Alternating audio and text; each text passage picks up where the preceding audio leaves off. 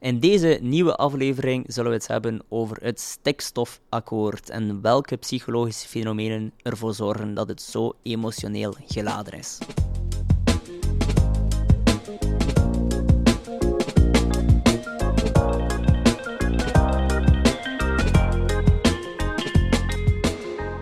Welkom bij de nieuwe aflevering van de podcast Opiniemakers. En in deze aflevering zullen we het hebben over een zeer politiek gevoelig thema, met name het stikstofakkoord.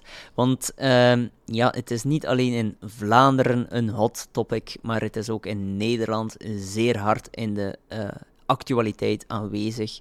Dus um, ja, laten we eens kijken van hoe komt het nu um, dat er, er zoveel over te doen is. Want ik, ik was zelf naar een andere podcaster zijn aan het luisteren en daarin werd ook verteld van uiteindelijk gaat het over, als je kijkt naar uh, puur representativiteit van de groep, um, en dat vergelijkt met hoeveel aandacht ze krijgen in de media, hoeveel er uh, inkt overvloeit, dan is dat uiteraard niet recht evenredig. Want, uh, en dat, hoort voor, dat hoeft voor alle duidelijkheid niet, uh, daar gaat het mij niet over.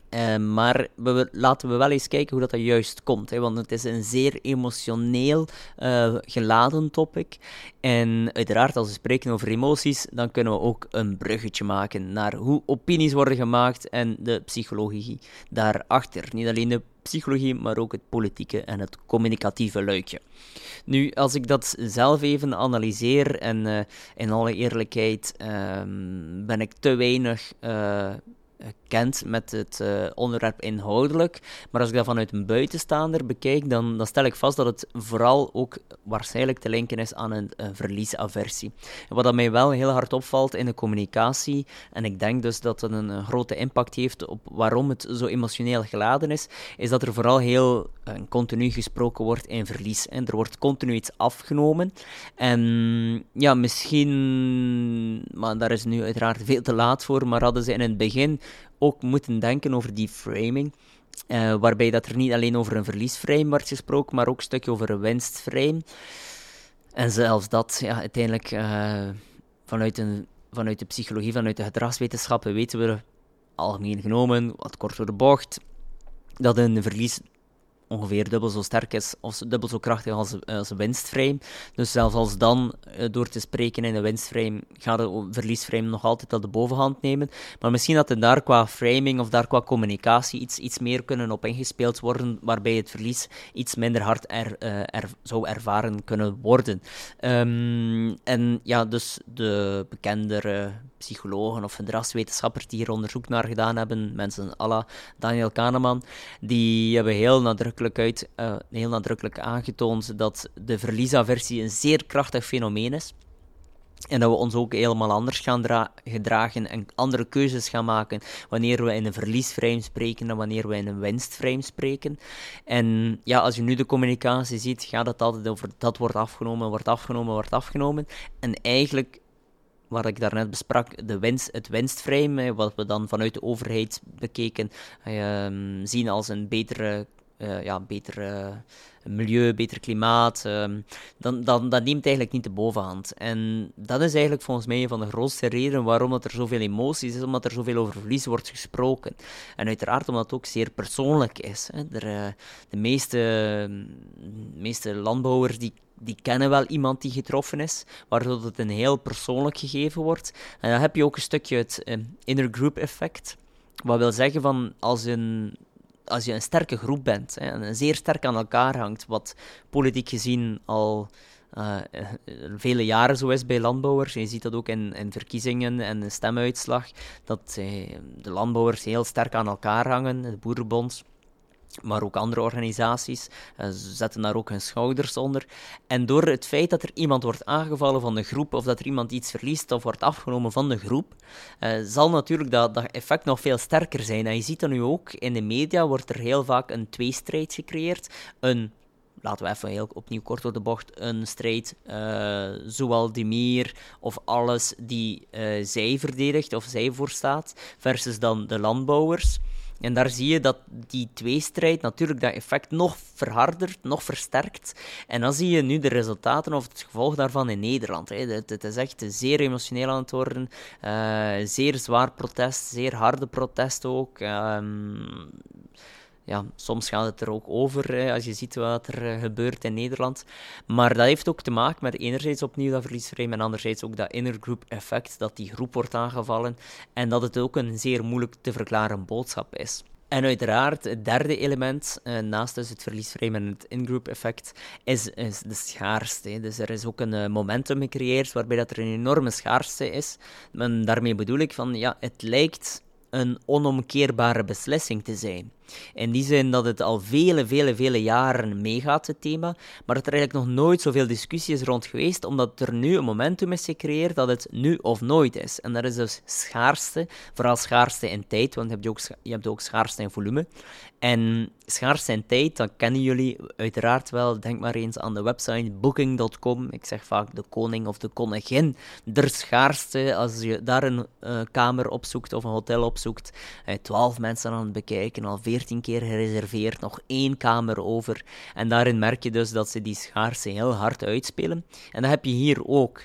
En is uh, het moment dat er een schaarste is, gaan mensen veel sneller actie ondernemen. Ik denk maar aan je studententijd, deadlines en zo verder.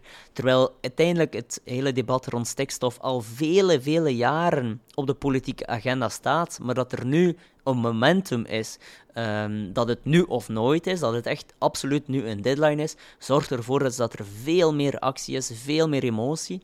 En dat heeft uiteraard te maken met het feit dat er een deadline is. Misschien uh, zouden we dat kunnen oplossen. Ja, je zou bijvoorbeeld ook in een bedrijfswereld, want ik denk in deze context is het iets moeilijker. Maar wat wij vaak aanraden is dat je dan eigenlijk eerder een moment van schaarste gaat creëren, om zo dus je doelgroep sneller tot actie gaan creëren. Wat bijvoorbeeld in campagnes soms doen, is een, een bonus creëren aan je product of aan je dienst. En dan eigenlijk die bonus in een verliesframe gaan communiceren van kijk, uh, tot, uh, laten we nu zeggen, tot eind oktober kan je, krijg je dit erbij en dan ga je gaan communiceren, laatste week, laatste dag. En dan zien wij altijd in, de, ja, in onze campagnes, die we zowel in politieke context als in commerciële context doen, zien we altijd een stijging naarmate de deadline vordert. En zo ga je dus eigenlijk je, je je acties een stukje gaan verspreiden in de tijd en niet allemaal op één momentum gaan creëren. Nu in deze context misschien iets moeilijker, maar deze drie effecten, dus het verliesvrij, het in-group effect en de schaarste, uh, nu of nooit, zorgt ervoor dus dat er in vergelijking met vele jaren uh, dat het al op de politieke agenda staat, nu een enorme, enorme uh, actie, enorme emotie en enorme politieke aandacht met zich meebrengt. Dus ja, ik ben heel benieuwd wat er nog in de toekomst zal gebeuren rond het stikstofakkoord, zeker ook in een Vlaamse context.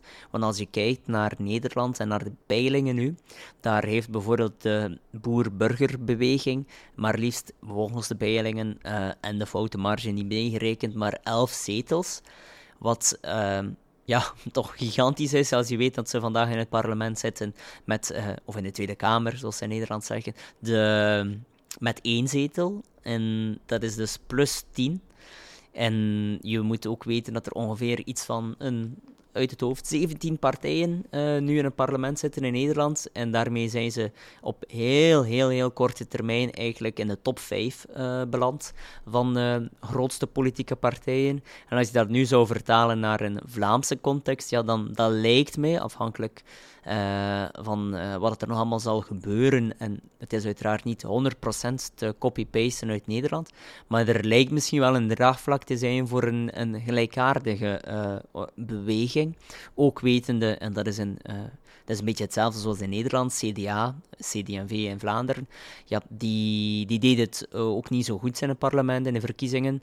Uh, je ziet nu ook in de peilingen in Vlaanderen CD&V het moeilijk heeft. Dus ja, misschien is er een momentum om een, Vlaamse BBB op te richten, wat... Uh, ja, als je ook ziet hoe dat, dit het debat nog versterkt in Nederland of nog scherper stelt in Nederland, ook wel toch bepaalde gevolgen met zich teweeg zouden brengen bij, uh, hier in Vlaanderen. Dus um, nu, misschien dat de beslissing al te snel uh, of eerder zal genomen worden voor het momentum voor zo'n partij, maar het is toch wel opvallend wat er in Nederland ook gebeurt. En ja, als je dan nu kijkt bijvoorbeeld naar de communicatie, Jo Broens versus Zoal dan, dan zie je daar ook twee volledig andere stijlen, waarbij een Jo Broens veel meer de uh, begrip toont. Ik vind als minister dat hij het wel, uh, zeker zijn start, niet gemist heeft, dat, uh, dat hij het goed doet. En dan is zowel Demir, die het uiteraard vanuit haar positie ook wel zeer goed doet, die veel meer op het daadkrachtige inzet en veel meer op uh, wil tonen aan de brede publieke opinie, eh, opiniemakers, en de brede publieke opinie dat zij een daadkrachtige politica is, dat zij doorzet, terwijl een uh, minister als Jo Broens veel meer wilt aan zijn achterban wil tonen van ik probeer, ik doe mijn best, ik luister naar jullie, ik heb begrip voor jullie. Heel vaak wordt het woordje begrip vermeld. Dus je ziet daar ook een volledige andere communicatiestijl en en ja, het zal, de toekomst zal moeten uitwijzen wat het uh, met zich teweeg, of, wat, uh, of wie er het beste zal uitkomen. Ik denk dat ja, dat uh, voor politica als Zoal Demir iets makkelijker is dan voor CD&V in deze context. Maar dat wil niet zeggen dat het niet positief kan uitdraaien, uiteraard. Maar in deze podcast wil ik vooral focussen op de drie psychologische effecten die de emoties enkel en alleen maar versterken. Dus het verliesframe, in-group effect en de schaarste. Heel veel inspiratie gewenst met de volgende aflevering.